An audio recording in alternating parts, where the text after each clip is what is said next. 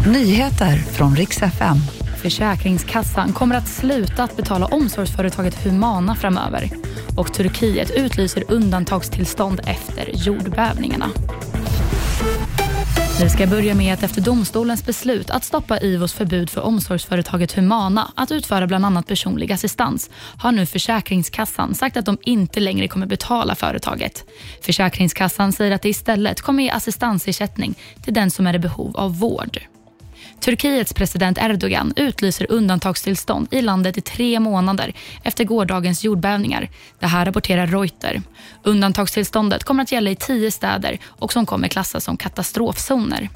I nuläget har mer än 5 000 personer dött och antalet döda förväntas att stiga för varje timme som går. Och Vi avslutar med att efter Sara Larssons uttalande i en TikTok-video kring varför hon tycker att fler ska prata i biosalongen så har hon fått möta en hel del kritik. Men nu går stjärnregissören Ruben Östlund ut och backar Sara Larsson. Även han tycker att det ska vara en mer aktiv biokultur och skriver i en kommentar till GP att Sara Larsson har fattat grejen. Det var nyheterna och mitt namn är Moa Jonsson.